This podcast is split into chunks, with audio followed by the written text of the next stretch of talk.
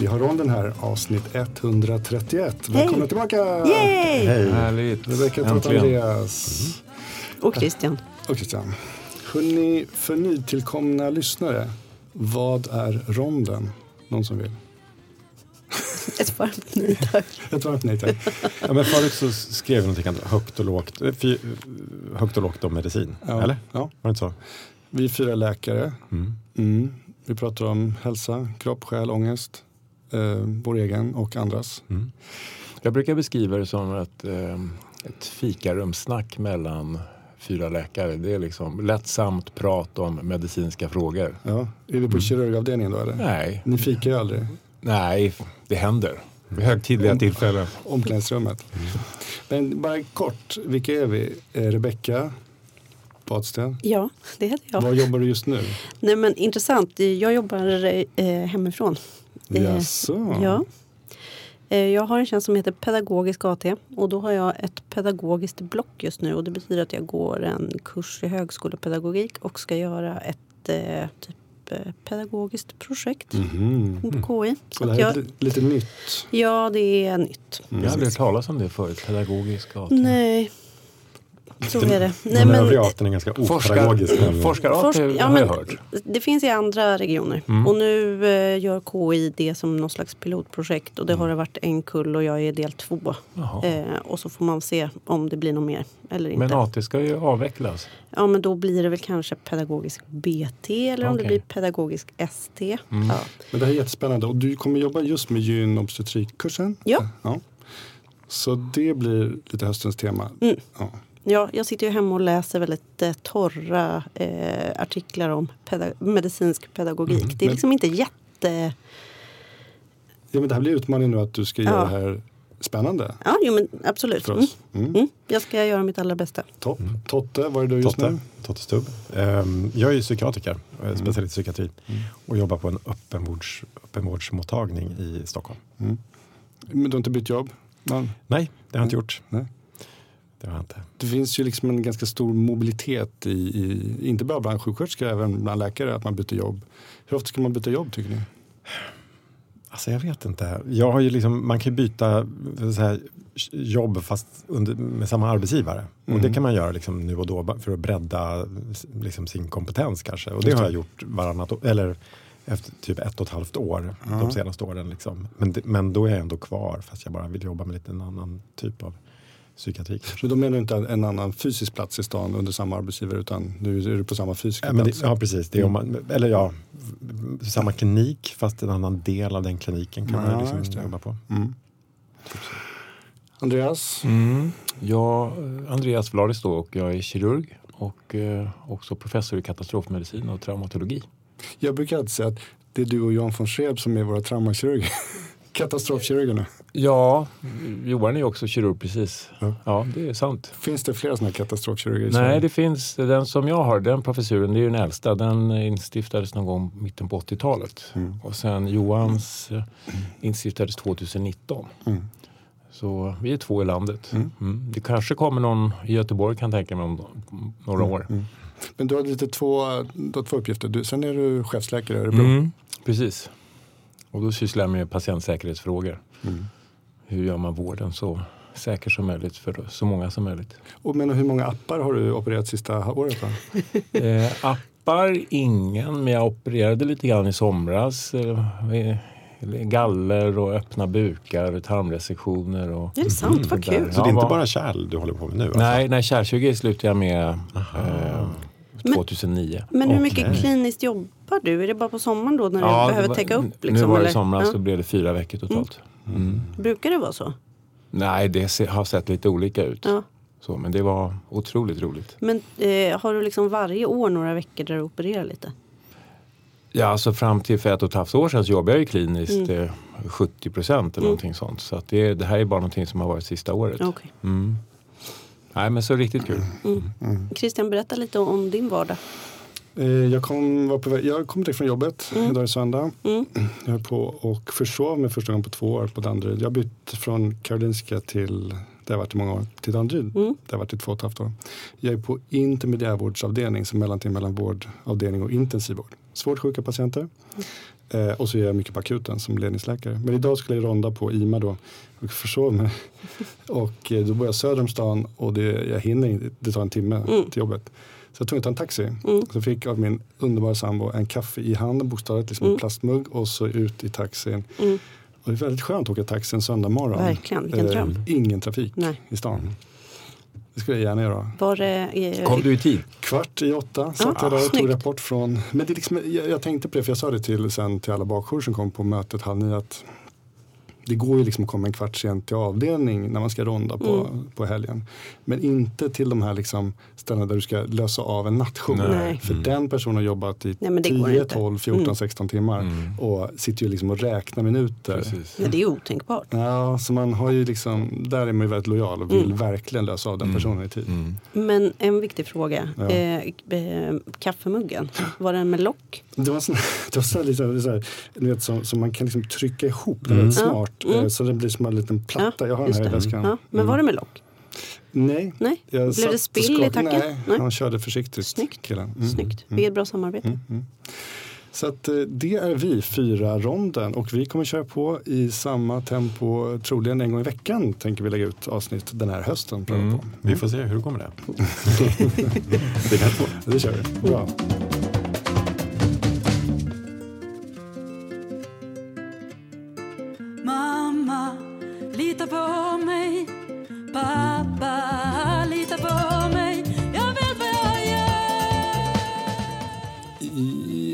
Osannolik sak hände på väg hit till uh, inspelningen idag.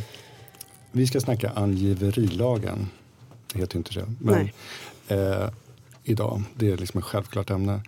Men nu när jag stod och skulle köpa chips här på väg till eh, ronden Mm. på Ica. Så stod jag där vid bandet och så plockade liksom bananer och chipsen. Då var det liksom en ung kille i 20-årsåldern i kassan som frågade, du, förlåt mig, eh, men du, vad, vad är den här angiverilagen som alla pratar om? Vad, vad är det som händer? Mm. Var- dig? Ja, från mig när jag stod där vid kassan. Mm. Jag, bara, jag bara tittade upp, är det, är det någon slags, Rebecka här? Ja. Är, det, är det liksom dolda kameran? Vad, Mm. vad? Så jag skulle stå, och så stod det liksom någon kvinna bakom, så skulle jag stå där och, och förklara för honom. Var, varför Kort. frågade han dig, tror du? Helt omöjligt, jag vet inte. Du är så Alltså att det var idag var ju inte så konstigt. För att det var ju en demonstration. Bara precis två timmar innan vi började spela in. Ja, okej, det kanske var därför. Men. Eh, Lustigt ändå. Ja. Ja. Och just det, jag skulle inte fråga dig om något. Nej. Nej, så jag fick förklara för den där 20-åringen. Mm. Men berätta, varför ska vi prata om det här? Eh, nej men när eh, vi bytte regering så eh, kom ju Tidöavtalet. Mm. Och eh, då är ju en del av Tidöavtalet handlar ju om migration.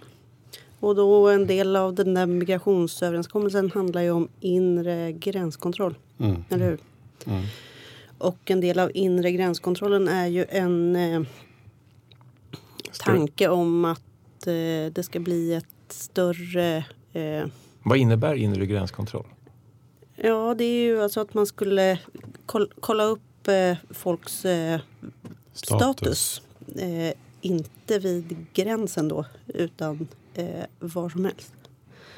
Och varför ville man göra det? För att folk kanske inte har uppehållstillstånd i Sverige eller är här utan papper. Då. Mm.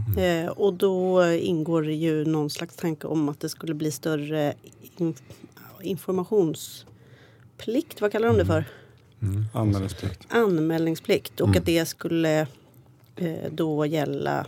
Vi har ju, vi har ju en anmälningsplikt eh, i vår profession och det är ju att vi... Eh, det är ju vår plikt att anmäla om vi eh, misstänker att barn far illa. Vi har många plikter. Ja, jo, men jag menar, Vi det, kan är, ta det sen. det är ju en stor Mm. grej där vi måste säga om vi är oroliga för ett barn så måste vi säga att det är socialtjänsten. Och det är Eh, inte bara läkare, det är all personal. Ja, precis. Mm. Eh, och det här skulle ju då vara att eh, anställda i kommuner och regioner, eh, jag minns inte helt hur det är formulerat då, skulle ha eh, plikten att anmäla om man träffar på någon som inte har eh, sina papper i ordning då. Mm. Eh, och För- att det skulle anmälas till Migrationsverket. För idag är det liksom framförallt polisen kanske som står för den typen av, alltså vid, eller hur? va? För de, de kollar väl ändå upp sånt? Jag, jag vet väldigt lite om Mm. hur polisen jobbar men det Mm. antar jag. Mm. Ja, polis, tull, Migrationsverket. Mm. Ja, men när Tidöavtalet kom så var ju det ganska mycket ståhej kring Mm. det där. Eh, för att eh, det är ju ett brott mot den sekretess som vi ju arbetar med eller under. Vi, har ju, eh, vi får ju liksom inte säga till om nästan någonting. Jo, det finns ju en del Ja, undantag. men, precis, men nästan ingenting. Eh, och de gångerna som vi får bryta sekretessen så är det ju vi oroar att barn far illa och sen om det skulle vara så att det är ett brott som är det mer än två års fängelse? fängelse. Ja. Eh, och då har vi inte skyldighet, eller hur? Utan då har vi rätt att anmäla. Om jag inte minns fel. Det finns Vissa saker har vi har skyldighet, Om, men, om ja. brottet kan förhindras och Just att det är det, ett brott. men, så, ja. mm. Ja men det finns lite olika omständigheter. Men här är det ju då, här skulle det ju då vara, vara fråga om att man anmäler att folk befinner sig i landet. Ja, i Sverige. precis. Mm. Men det, det som eh, för, som för lyssnarna är viktigt att, att veta det är att det här skulle då utredas. Och det kallas ju Precis. för angiverilagen men det är ingen lag Nej, nej, ännu. men- utan man, man har det ju- tillsatt en utredning Precis, för att det, titta som, på det det här. var ju en stor grej då för Ja. Mm. ett år sedan när de skrev Tidöavtalet. Eh, och då sa de att men vi tänker oss ändå att det är vissa kanske yrken som ska undantas kring det där. Och sen så har det gått massa tid och nu så har de sagt nej men nu vill ni, vi att ni tittar på att det inte ska vara så mycket undantag. Nu vill vi att ni tittar på Mm. i den här utredningen hur skulle det vara om även eh, liksom eh, ja, men, Sjukvårdspersonal, sjuk- sjukvårdspersonal, lärare, lärare, Mm. eh, socialtjänsten, bibliotekarier, eh, ja, men kommunanställda, regionsanställda på liksom ett, i ett brett plan. Mm. Att alla skulle ha skyldighet att anmäla. Och det är väl därför som det är aktuellt Mm. nu igen, eller hur? Andreas, du sa, men vilka skyldigheter har vi om du bara fyller i det lite där? Ja, men, nej, men alltså, det jag kommer ihåg är ju att vi har, det finns ju en rad olika situationer då vi eh, som vårdpersonal får bryta sekretessen. Och ett av de mest kända det är ju om, om man har hand om en patient som har begått ett väldigt allvarligt brott som ett mord eller någonting sånt. Då, då får ju vi bryta sekretessen om vi vill. Mm. Eh, och sen så, eh, ja, det vet ju ni bättre än jag höll jag på att säga, men lagen om vård av missbrukare, då anmäler man ju, då bryter man ju sekretessen. Man har missbrukare som kanske inte alls är intresserad av eh, tvångsvård, men då anmäler vi det till myndigheter och säger att den här personen är en fara för sig själv eller, eh, och, och behöver vå- tvångsvårdas. Så att vi som vård, min poäng är att vi som vårdpersonal har ju i många andra olika lagrum ehm, en skyldighet eller en möjlighet att anmäla eh, Jag- till myndigheter och bryta sekretessen. Jag tänker att det finns vissa skillnader ändå i eh, att bryta sekretessen för att skydda någon från sig själv, skydda barn, eh, skydda, till exempel när man använder till Transportstyrelsen så skyddar man medtrafikanter. Eh, det är ju en sak och det är det som vi gör nu. Och det här eh, lagförslaget är ju liksom till för att eh, ja, men det, är ju liksom, det handlar ju mycket mindre om personen i frågas faktiska handlingar. Och det är ju bara en sån eh, ett paraplyhalloj kring eh, ens eh, liksom status i landet. Man kan också säga att det är en, en fråga som inte har någon medicinsk eh, liksom, grund. Nej. Alla Men om, om jag har skjutit någon Mm. och kommer in och söker eh, vård för någonting Ja. annat Mm. och det framkommer att jag har, är en av de här mördarna. Eh, någon gängskjutning eller någonting Ja, nej, visst har det en Då- medicinsk... Eh, Nej, det har Ja, inte. och då är det inte heller någon Nej, det medicinsk koppling. Det är bara ett allvarligt brott. Det som, ja. där, där, Men det är ett allvarligt brott som är Ja. specifikt. Eller jag menar, du har, du har begått en handling eh, som är på något sätt. Jag vet inte, jag tycker det är lite skillnad ändå att det är mer specifikt för dig.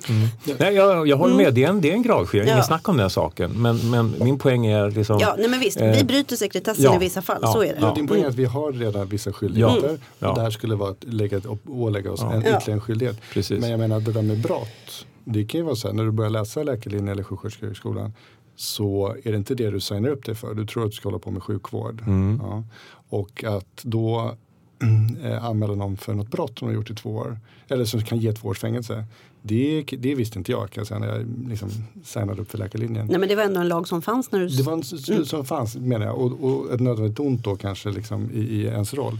Men det är inte helt självklart enkelt att, att man, man gör det. Tänk, ja, men det finns implikationer där att du anmäler någon för ett brott och sen så är det någon då, annan gängkriminell som säger okej Totte han anmälde det här, här, nu sätter vi liksom en, ett pris på hans huvud. Mm. Det finns liksom någon slags fara i, i, i det hela som är utöver sjukvård. Mm. Så jag tycker på något sätt, visst det där har inte med sjukvård att göra. Men här har vi någonting som har verkligen inte med sjukvård att göra. Det vill säga anmäla om någon vistas illegalt i landet. Det är Det, som, det, jag menar, det som jag och många med mig är oroliga för det är ju vad det här gör för folks eh, villighet att söka vård när de är allvarligt sjuka. Det är väl det som är liksom allvarligt i det hela. Det är ju att eh, verkligen.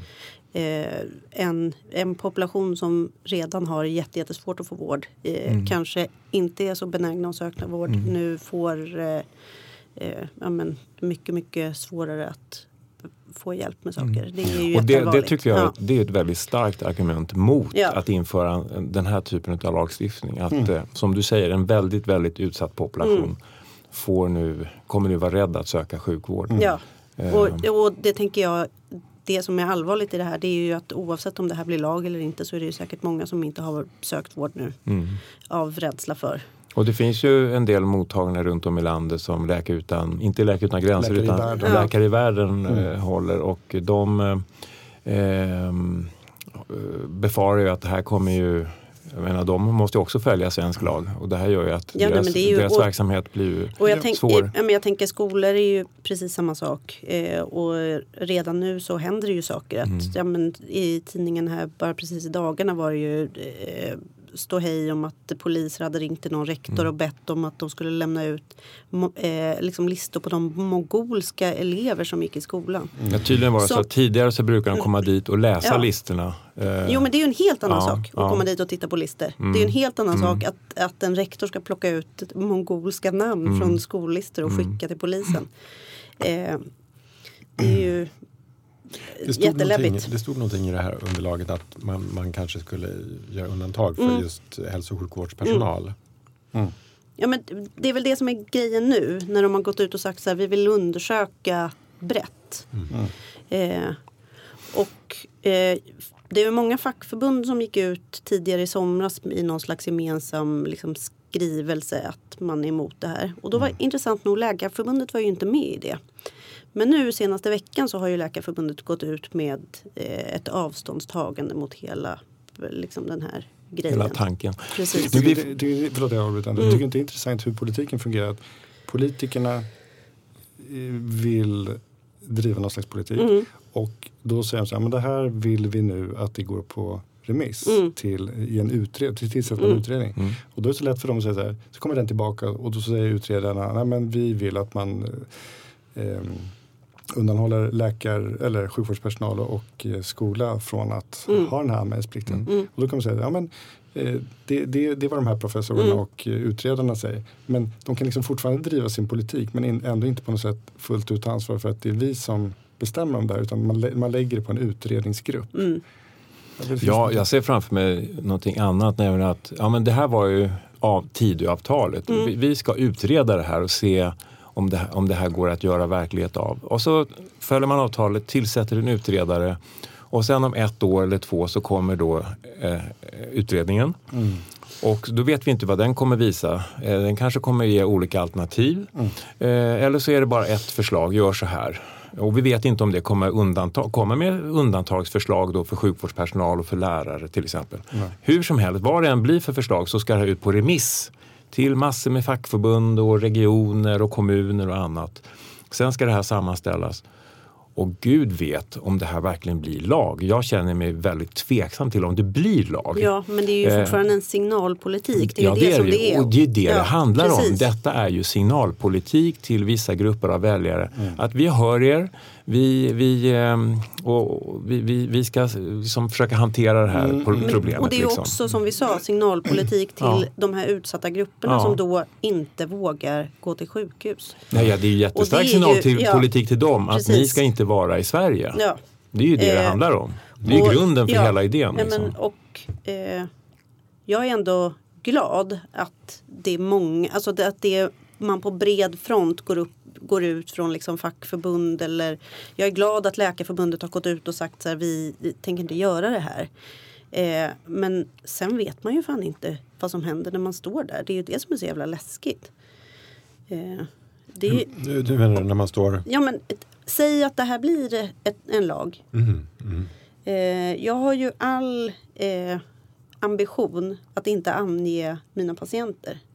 Men vilken situation kommer jag hamna i? Liksom, vilket stöd kommer jag ha från chefer? Vad kommer jag ha för, liksom, för, för eh, liksom, anställningstrygghet? Hur ser liksom, min ekonomiska situation ut? För mina, liksom, hur, hur kan jag se till att mina barn får mat Men på du bordet? tänker att den här anmälningsskyldigheten, om det nu blir Ja. så, kommer få väldigt mycket större betydelse än andra anmälningsskyldigheter som vi har idag? Eftersom den är så moraliskt eh, Men att, för jag har aldrig varit med om att en chef har bevakat om jag har anmält till SOS eller till LVM. Nej men det är liksom en någonting sånt. obehaglig känsla när Ja. det är en, någonting som är nytt också. Att det är någon, för att de andra sakerna har vi ju vetat. Precis som Christian sa. Man vet att ja, men om, man, om man jämför med andra, andra typer av så där folk pratar om samvetsfrihet. Om vi jämför med liksom barnmorskan som vill vara barnmorska men inte vill göra Abort. barnmorskeuppgifter, arbetsuppgifter så som utföra aborter eller, eller prata om preventivmedel. Då är det ju någon som har gått en hel utbildning till barnmorska med vetskapen att det här är en väldigt stor del av arbetsuppgifterna. Och sen eh, vill ha en tjänst där hon inte ska behöva göra de arbetsuppgifterna. I Det här är ju ett, ett annat fall där jag har eh, gått en utbildning, eh, liksom jobbat.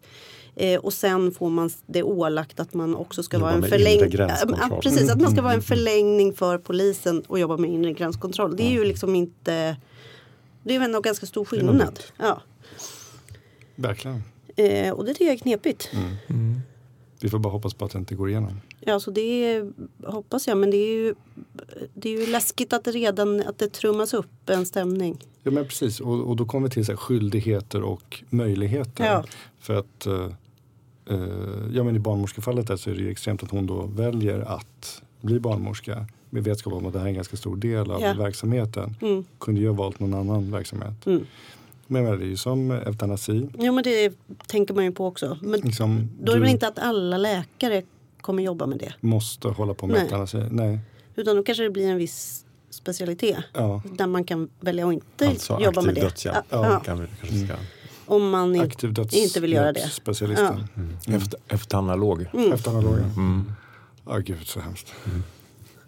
Ska det bli det? Men så viktigt att ge folk en värdig död. Jo, Men det där, Här har vi ett det är ett stort ämne som vi, som vi bör ägna särskild tid. Det tycker jag vi ska göra någon gång. Ja, det är ett jätteviktigt ämne. Jag, absolut. Kan ni förstå alla mina val? Jag går min väg Hur har sommaren varit? Hälsorelaterat tack. Hälsorelaterat. Inga boktips här. Om det inte är Nej. sjukvård.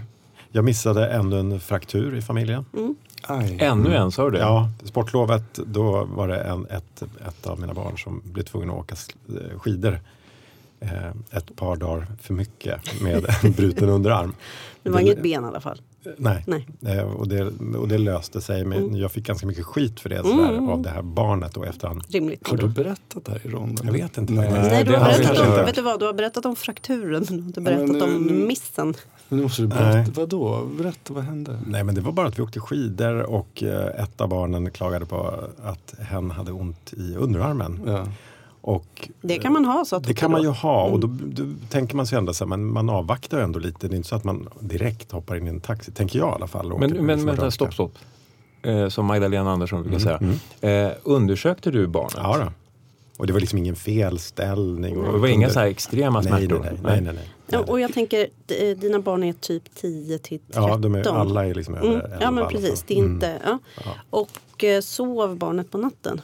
Ja. Mm. Ja, för det det, det brukar vara Och- min eh, ja, men eh, exakt. Men fanns det något trauma i det hela? Alltså hade Ja. personen... Alltså, det, Ja, det ju har skidåkning, skidåkning. Ja. Jo, men allmänt, mina barn åker ju ganska försiktigt. Jag, menar, jag vet ju om de har ramlat. Jo men trillar det gör man väl. Liksom. Det gör väl alla. lite sådär. Ja, så det, och det är svårt att veta. Alltså, Ja. men ni vet. Det kunde ha varit så att, att, liksom, eh, att man vaknar upp dagen efter och så gör det inte ont längre. Alltså, ibland så är det slår ganska man ofta. ju. Liksom. Mm. Ja. Jag pratar mycket med mina barn om att det finns ganska stor skillnad på att slå sig och att skada sig. Ja, exakt. Eh, nu var det, hade samma person då varit ute och gått med några kompisar och dragit sin hand längs med något staket. Liksom. Och eh, hade gjort illa, fått liksom ett skärsår på ett av fingrarna. Så på kvällen så liksom, jag spolade rätt noggrant och liksom kollade. Så. Och sen så dagen efter så ja, men då började det här fingret svullna upp lite. Så. Och, och, och då tänkte jag på kvällen att så här, men då får vi ändå åka in till närakuten. Liksom. Så kom jag dit. Och, den läkare som tog emot oss då, var jätteduktig, tror jag, vikarierande underläkare. Liksom. Alltså, ja, men väldigt oerfaren. Men sa direkt liksom att det här borde vi ha sytt igår. det var det första jag fick höra. Ehm, och sen så tyckte den här läkaren också, så, men ska vi ändå inte bara bränna av en röntgen ändå? Bara för, för vi vet ju inte riktigt hur det gick till. Liksom. Ja, jag sa. Och så var det en liten fraktur. Vänta, vänta, fraktur i, I ett yttersta falangen? Nej, mellan falangen tror jag. Ja. Mhm. Men ja, det, herregud, det är som det är. Och ingen Så kan det senskada? Ingen Nej, nej, nej. nej. Och det, jag hade ju ändå kollat sådana grejer, liksom, att det inte var något liksom, känselsbortfall och sånt där. nervstatus? Okej. Men jag har liksom, inte- ni vet de här muggarna, världens bästa pappa. Jag har inte fått en sån Nej. i år heller. Nej. Men ja, det är som det är. Mm. Jag, eh, jag gillar ju att berätta skrönor. Och eh, jag minns att jag pratade med en gammal patolog som, som sa ja, i eh, läkarfamiljer växer de största och vackraste eh, tumörer. Eh, och det var just det här att läkare liksom, eh, trivialiserar de anhörigas eh, symptom. Och ehm, ja, Det ligger väl kanske något i det. skomakarens barn och sådär. Mm. Nej, jag har också gjort, missat grejer. Mm. Men, men du har, har du gjort några insatser nu på semestern, Andreas? Några kirurgiska insatser? Tagit Nej. upp någon fiskekrok, eller näsa Nej, eller någonting? nej, ingenting. Inget sånt? Nej, jag fortsätter ställa diagnos på folk runt omkring mig på stan och sådär. Men jag har inte, liksom, Du har inte gått gripit, fram och informerat om det. Nej. jag har inte Du har gripit inte in. tagit ett diagnostiskt samtal. Du då, Rebecka? Mm, Jag har tänkt mycket på eh, hur länge stelkrampsboostern eh, håller. Mhm. Och det har jag googlat några gånger eftersom jag har eh, rivit mig på diverse olika rostiga Verktyg. spikar och verktyg som har liksom varit nedguckade i jorden. Men det var 13 år sedan jag tog booster och det ska hålla. 13 år? Mm. Mhm. 15-20 säger de. Jäklar. Mm. Men har du inte fått några fula infekterade Nej, sår av allt? Absolut inte. Nej, eh, jag ska säga att det har varit en eh, stabil eh, vårdkontaktsfri sommar. Mhm. För mig och min familj. Ja, Mm. Inte borrelia, ingenting. nej. Christian då? Där har det nog hänt. Ja. hur, många, eh, precis, hur många besök för dig och eh, för resterande? familj? Eh, resterande peppar peppar inget. Men jag var ganska imponerad av en... Jag var väldigt tacksam och imponerad eh, över primärvården. Mm. Det var egentligen en av mina första primärvårdskontakter. Jag tänkte så att men jag har en leverfläck på kinden som, jag brukar inte raka mig men då hade jag rakat mig och- och så sa min sambo, men har inte den där vuxit? Mm. Och så har jag haft den i många, många år. Ni ser den inte nu för att Skägget är det är skägget i vägen. Och så tänkte jag, ja, det kan, har inte kliat lite? Och så tänker man, ni vet, malignt melanom, Mm. eh, det ska inte blöda, det ska inte klia, det ska inte vara formförändrat och så, ja, etc. Och tänkte men ha, vad ska jag nu då? Ska jag ringa Andreas Vlade så behöver ta bort den där? Eller ska jag liksom ringa någon kompis med hudläkare? Du vet, man börjar med så här kompisträsket. Mm. Och sen, nej, alltså, nu har jag gjort det där så många gånger via kontakter och jag har pratat i ronden förut om hur jag var, gjorde massa misstag när jag liksom var min, min, pappas läkare när han var sjuk och Mm. sådär. Och sen, nej, men nu ska jag vara, göra det Nu rätt. går jag till Ja, vårdcentralen. alltså 1177 och eh, la in en förfrågan, beskrev mitt ärende. Jag fick snabbt svar dagen efter Wow. en tid. Mm. Och, nej, vänta, först ville de att jag skulle ta ett foto av den här fläcken. Så Mm. jag fick liksom raka mig igen och ta närbilder på den här fläcken. Jag fick ett snabbt svar, kanske jag vet inte, nästa dag. Ja, men du är välkommen till vårdcentralen då och då. Mm. Och det var inte många dagar efter. Nej. Så kom jag dit och mm, liksom en bra undersökning. Eh, han fotograferade med någon slags eh, sån här dermatoskop, kan det heta så? Ja. Eh, satte på någon liten grej på mobilen och fotade och så sa han, ja, men så hör vi av oss snart.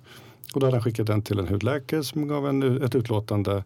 Och jag, jag, jag vet inte, så att inom tio dagar så var allt det här från ax till limpa klart. Och jag Mm. fick ett svar via 1177 att det är en snäll sak, en benign, benign sak.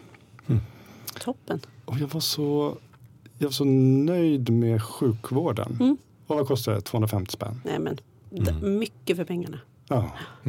Ja, det är härligt. Du sitter Ja. och tänker på saker. Ja, nej, men jag, jag, jag hade, jag visste inte om jag ska berätta det här, men jag, jag, jag hade, har varit så jäkla trött under delar av sommaren. Och jag tänkte just, jag ska inte vara min egen doktor liksom. Och så, du vet, och så i min ålder, så här, fan är det någonting liksom? Nej, men jag vill ha kontakt med vårdcentralen. Och så går jag in på 1177. Och så hamnar jag i någon sån här, ursäkta, jävla chattbot. Har ni varit inne och liksom pratat med en robot? Nej. Nej. Och, då, och det är liksom för att de vill inte ha mänsklig kontakt då, utan det här är ett sätt att hålla människor ifrån eh, verksamheten. Va?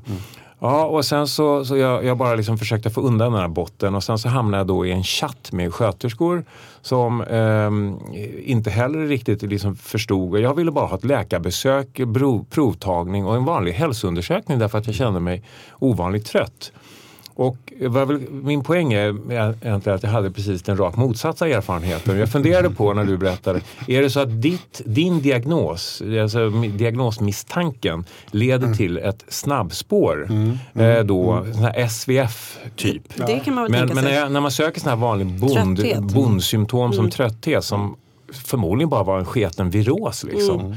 Mm. Ja, men då, då, blir det, då hamnar man i träsket bland Ja. vanliga människor som söker kontakt med vården och inte får det. Utan vården gör allt för att hålla dem borta och det tycker jag är hemskt. Vi, må, vi måste nu fånga upp din, din frustration här. Den, den, den, den känner vi av i rummet. Bra. Vad är SVF? Det är standardiserat vårdförlopp. Det är någonting som infördes i eh, svensk sjukvård för jag vet inte, fem, sex år sedan Ja, kanske på en modell efter eh, Danmark. Mm. Där man liksom skapar eh, snabb, snabbfiler egentligen. Mm. Men det är för väl patient- välgrundad misstanke om cancer? Ja, Ja. precis. ska man ju kryssa i Ja. när man skickar en Och då, då blir det snabbspår liksom, rakt igenom hela sjukvårdssystemet till röntgen, till koloskopier Mm. och så vidare. Och så vidare. Därför för de som inte vet det så finns det då liksom en tidsfaktor där. Att Mm. Då har liksom systemet, om det är vårdcentralen, om det är en lungmottagning, urologmottagning, ett visst antal månader på sig Mm. att man ska gå igenom det här, Mm. den här processen. Precis. Men de har väl också en form för det. Typ de har SVF-tider i sin kalender. Mm, Alltså mm. det finns, eh, det finns liksom en logistik som gör att det är enkelt. Och så punkt, punkt, punkt. Sen finns det något straff om det här inte upplevs. Om man inte har Det en välgrundad misstanke om cancer. Det nej, kan- nej, nej, nej, om man inte då liksom Lever upp till de här tiderna. målen. Det Ja. finns säkert att man får... Men du, men du det, så, är, så kan man säga att det finns vissa spår som är väldigt upp liksom, oljade. Mm. Ja. Och så kan, det ju vara, så kan man tycka att det är, så är det ju på akuten. Mm. Har du, ska du få ett snabbt spår, då säger du att jag har ont i bröstet. Mm. Det kom akut för Mm. en timme sedan. Mm. Sitter här till vänster, strålar upp till halsen. Då kommer ju kardiologerna springande. Mm. Men, och som du sa, diffus, men sen kan ju det där diffus trötthet, det kan ju stå för Mm. allt och inget. Mm. En Precis. jättefarlig cancer. Precis. Men, men det som jag, jag värjde mig inte emot egentligen att jag skulle behöva vänta en vecka eller två på. Det hade jag stått ut med. Men det var det här mötet med den här botten. Alltså som pratar med en robot. Eh, och jag fattar att det är ett sätt för dem att det är som en enkät fast den är robotiserad. Mm. Liksom. Men jag gillar inte att prata med elektronik. Jag vill ha en människa. Liksom. Och det är så här, var, var är sjukvården på väg när man för folksjukdomar, för folk, vanliga symptom försöker trycka bort människan in i liksom, elektronikens värld? Jag råder alltid mina kompisar som bara, jag får ingen tid. Det finns Nej. ingen som svarar. Jag bara, har du provat att gå förbi till repan och fråga Mm. om det finns en tid? För de Mm. har ju typ alltid någon tid till någon Mm. tanta som inte har Mm. bank-id. Just det, men det här var via 1177-appen alltså. Ja. Var det då Ja. till din vårdcentral? Det är min vårdcentral, ja precis. Kan det vara, nu vet, alltså, är det din vårdcentral som är dysfunktionell? Ja, jag pratar ju väldigt med den här kollegan som, de ordnade ju en tid sen, jag ska inte berätta hur. Men, ehm, var en SVF-tid. nej, men, men och då så frågade jag liksom i all vänlighet, liksom, hur, det här blev ju inget bra, liksom, att, det, att det var så svårt för mig att komma fram till er. Vad, vad beror det på? Nej, men vi är underbemannade. Ja, men vi, har, exakt. vi har för få sköterskor och för få doktorer. Mm. Och då, jag, jag tycker ju synd om dem. Ja. Liksom. Och, det, det, och så du- får de mötas av gnäll hela tiden. Såklart. Ja, men så du hamnar väl i den där chattbotten för att som sagt, jag menar, det, det, på den vårdcentral jag eh, är listad så, så kanske det är bättre bemanning och så. Men Mm. och, en annan, och det har inte att göra med hur du frågar. Du, du, du kanske var för pushig här Andres? Vadå frågade vad? Chattbotten. Botten lackade ur. Ja, men, nej, jag lackade ur på botten kan jag säga. Ja. Jag var inte vänlig mot den här Botten botten. skrev tonen utropstecken till dig. Tonen tack. Ja. Ton, tonen Tänk på smiley. tonen. Ja. Nej, den här botten gillar inte Då mig. vet man att det har gått för långt. Ja. Mamma,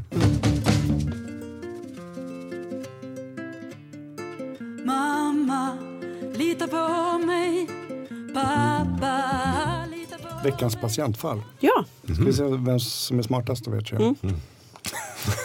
Totte, vem är dummast? Är det du eller jag idag? Ja. Får vi se. Ehm, och jag säger inte att det här är allmänbildning för det här är svårt. Så att högt och lågt. Mm. Ehm, jag är nu en man, 65-årsåldern. Mm. Och det här är baserat löst på lite olika fall mm, som jag har träffat på. Mm.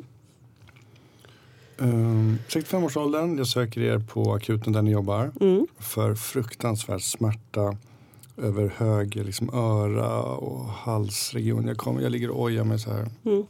Jätte, jätte, jätte, jätte. Stackars, stackars Mm, dig. Jätteont. Mm. Och eh, jag tar lite blodprover och vitalparametrar. Mm. Eh, jag är afebril, blodtryck 130 över 90, puls eh, 95. Syresättning 100% på luft. Mm.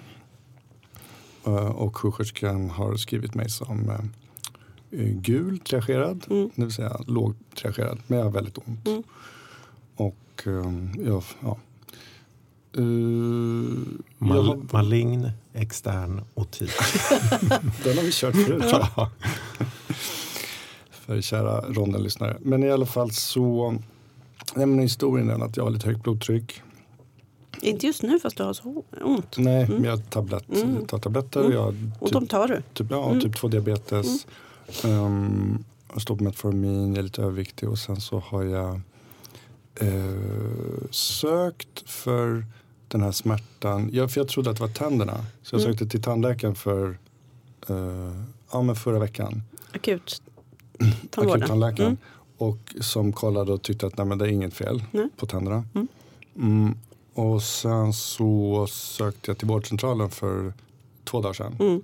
Och då tyckte vårdcentralläkaren att det var en öroninflammation. Och gav Mm. mig KV-penin antibiotika. Mediotit alltså. Mediotit. Mm. Och gav mig antibiotika. Mm. Och det var två dagar sedan. Men här är jag och jag Ja. skriker ut min smärta. Mm. Vad gör ni? Eh, Det har blivit värre och värre sedan det började låter det som. Det är ohållbart. Ja. Det gör jätteont. Ja. Jag har tagit Alvedon, det händer ingenting. Nej. Och du är objektiv smärtpåverkad så då är det första jag skulle göra eftersom du har vitalat, vitalparametrar är ju att smärtstilla dig. Mm. För det är oetiskt att du bara ligger och mår så dåligt av smärta. Får jag 5 milligram morfin av det IV? Tjoff! Ja, det skulle jag Och- kunna och två- tänka mig Och faktiskt. 2,5 milligram Stesolid. Ja. Nej men på riktigt liksom, om du ligger och har så jäkla ont och det har pågått i ett par veckor, dina vitalparametrar Jag är normala. Om jag, veckor. Jag sa ja, men, ja, men jag får inte nå- du har inga vibbar av att vara en missbrukare. Det är inte därför. Det finns ingenting som tyder på att du hoppar runt från akutmottagning till akutmottagning. Nej, Och då skulle jag definitivt behandla smärtan först. de här vibbarna skulle Ja, jag nej vilja. men verkligen. Ja, men det är väl och inga- eh, ordet missbrukare. Ja, vad skulle Kåberg sagt om det? Ja. Andreas sveper in med sin Mm. kirurgrock här. Men jag Ja, uppskattar nej, men- att du tänker på smärtlindring Andreas. Bra. Och jag tar det till mig här Mm. eh, i handledningssynpunkt. Eh, synpunkt. Mm. Att det är väldigt viktigt att tänka på Och smärtlindring. vad får Mm. jag då? Jag fick morfin. Mm. Jag har fortfarande ont. Okej, Mm. Vad tråkigt. Hur, eh, v- vad sa du, käken men mest örat och Ont halsen? över örat här ut mot eh, liksom hela Mm. ansiktet. Syns det någonting halsen. eller? Nej. Det låter som lite neuralgisk smärta, Mm. någon sån här trigeminus eh, neuralgi eh, liknande. Mm. Eh, Snyggt. Verkligen. Ja, det- var ju väldigt proffsigt. Mm. Jag hade liksom tänkt att det skulle ta lite längre tid i det här Mm. Men Jaha, nej, han är redan så- tagit det. Eftersom den är så, eh, Så otroligt smärtsam. otroligt intensiv och inte svarar på morfin. Nej. Eh, Precis. Men eh, jag tror att du kanske hade i praktiken undersökt mig. Mm. så naturligtvis. Ja. Mm. Men det tror jag, Rebecka var väl inne på, det, man, det syntes ingenting. Frågade inte du det? Jo. Jo, och då Jo. sa du nej. Mm. Och du kände heller Mm. ingenting. Nej. Så att jag menar, du gjorde lite snabbt här tycker jag. Mm. Så att jag hade ju blivit undersökt Mm. och då så, så kände ni inga Nej, men hände det, men hände det någonting när man eh, petade runt där? Blev det värre då? Nej, det kan var det liksom säga. någon punkt som utlöste och sådär? Nej. Men grejen är att jag hade inga lymfkörtlar Nej. och jag hade ingen svullnad här. Mm. Och man såg hela- ingenting i halsen? Ingenting i halsen. CRP-sänkan var tre. Mm. Vita blodkropparna normala. Alla blodprover normala. Mm. Ehm, och sen så kommer ju, tycker jag, för den här patienten tittade jag ju på och undersökte ordentligt. Mm. Eller först var det en underläkare som kom och så Mm. pratade med mig Mm. om patienten.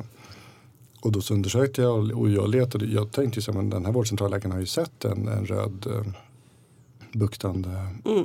trumhinna. Mm. Men då kollade jag och då, det var så blekt och fint. Mm. Och i vanliga fall hade det kunnat vara vax som man Mm. inte kunde undersöka patienten. Mm. Eller? hur? Och då får man gå på indirekta saker och CRP och feber Mm. och sådär. Men här såg jag liksom en blek trumhinna. Då tänkte Mm. men det här är ju inte en korrekt ställd diagnos. Nej. Måste man säga. Mm. Om man får- Och smärtutbredningen stämde inte heller med Nej. mediaotit. Men det kanske var Nej. annorlunda för två dagar sedan också? Det är inte helt självklart. För det kan ju vara att man liksom förlägger den så och sen strålar den ut lite ner mot hals. Och så. Men poängen där med den här underläkaren var ju att jag pratade med, okej men vad är det vi ser här? Vi ser ju faktiskt ingen, vi ser ju normal media, alltså trumhinna. Inga lymfkörtlar, ingen feber, ingenting. Så det var liksom lite uteslutningsaktigt. Så tänkte jag, men det här låter som något neurologiskt. Mm.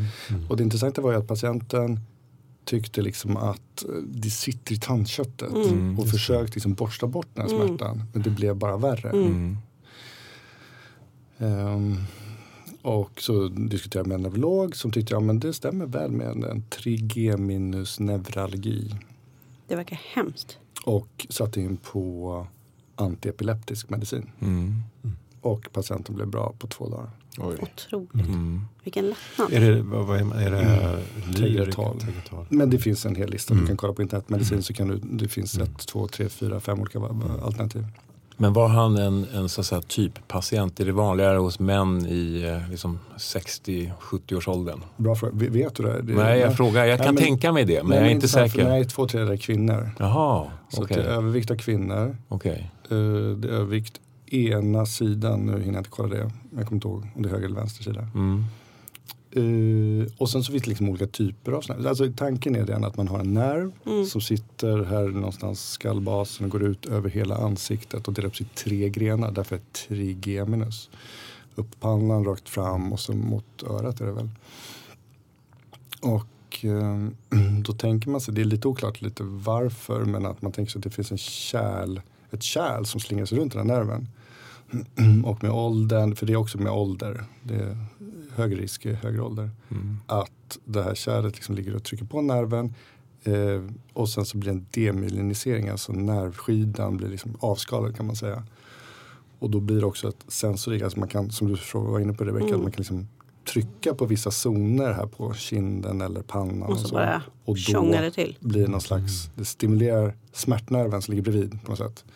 Och blir en väldigt, väldigt kraftig smärta. Som i och för sig då brukar vara några minuter till timmar och sen försvinner och sen kan det försvinna några veckor så kommer tillbaka. Så det är skovvis.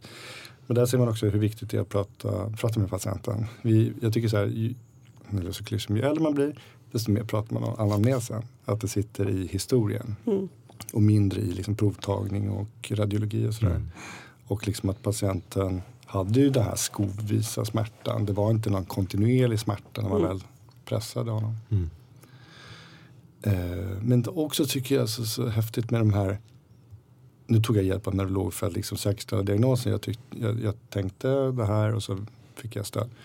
Men jag tycker det är så kul med, med de så kallade kliniska Mm. diagnoserna där du inte har så mycket hjälp av prover Exakt. och radiologi. Då kan man säga i och för sig indirekt är det det att eftersom proven är normala så talar det emot inflammation och Mm. infektion och sådär. Men det finns ju vissa specialiteter där det liksom ligger väldigt mycket i liksom klämma, känna. Mm. Visst, kirurgen. Eh, jag menar, Tottes psykiatri, du tar ju inte många prover och radiologi. Nej. Utan för dig är det ju, allt är ju anamnes Mm. och hur man pratar med patienten. Men just om jag tänker på medicinakuten där jag och Rebecka har mötts mycket senaste halvåret så är det ju mycket det här, man tänker sig att svullna leder.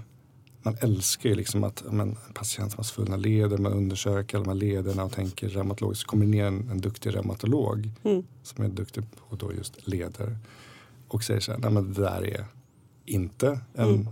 RA eller det där är en typisk psoriasisartrit. eller Ja. Får jag fråga, om, jag kan tänka mig att om inte du hade varit där så finns det stor sannolikhet att den här patienten hade gått på en röntgen. Ja. Eh, hade man sett någonting då? Det vill säga, är Nej. trigeminus neuralgi synligt på MR. MR förstås? Men, in, men alltså, så, eller nej, så här. Det, det, det finns olika, nu ska vi inte gå in, men det finns olika delar av trigeminus neuralgi eller olika geneser till det hela. Och det kan, det kan finnas tumör bakom det hela.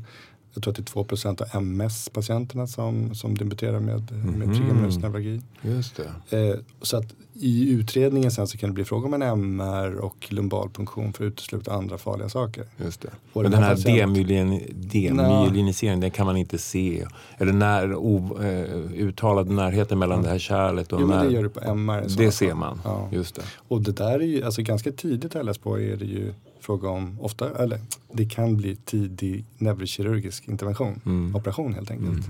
För att avlasta den här liksom utgången av trigeminus som är i kläm på något sätt. Eh, men åter, jag tycker att take home på något sätt till ja, men, yngre kollegor som lyssnar att liksom, stämmer det inte med det man har trott eller någon har skickat in patienten för. Ja, men liksom fortsätt, gå vidare, tänk diff, diffdiagnostiskt. Mm. Ehm, och är det så här himla låga parametrar, man ser normal trumhinna, så här, men då är det ju inte det. Mm. Lita på det liksom. Mm. Ja, för mig var det väldigt, och och jag är ledsen att jag cracked the case så snabbt, men för mig var det så talande att morfin funkar inte. Då är, det ju, då är det ju inte nociceptiv smärta, då är det en annan typ av smärta. Jo, okej. Och då blir ju liksom, ja men då är det ne- någon neuralgisk smärta till exempel. Mm. Eller psykogen. Ja, det hade också kunnat vara möjligen ett... Men nu, jag, ni skrattade ut mig när jag började diskutera liksom, hur ser han ut, fanns det så här misstanke om, om missbruk eller sånt där. Det fick man inte säga.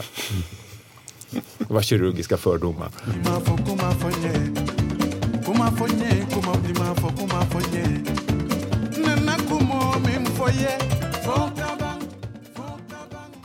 Det var säsongstart för hösten här. Kul att vara igång. Mm, Äntligen. trevligt.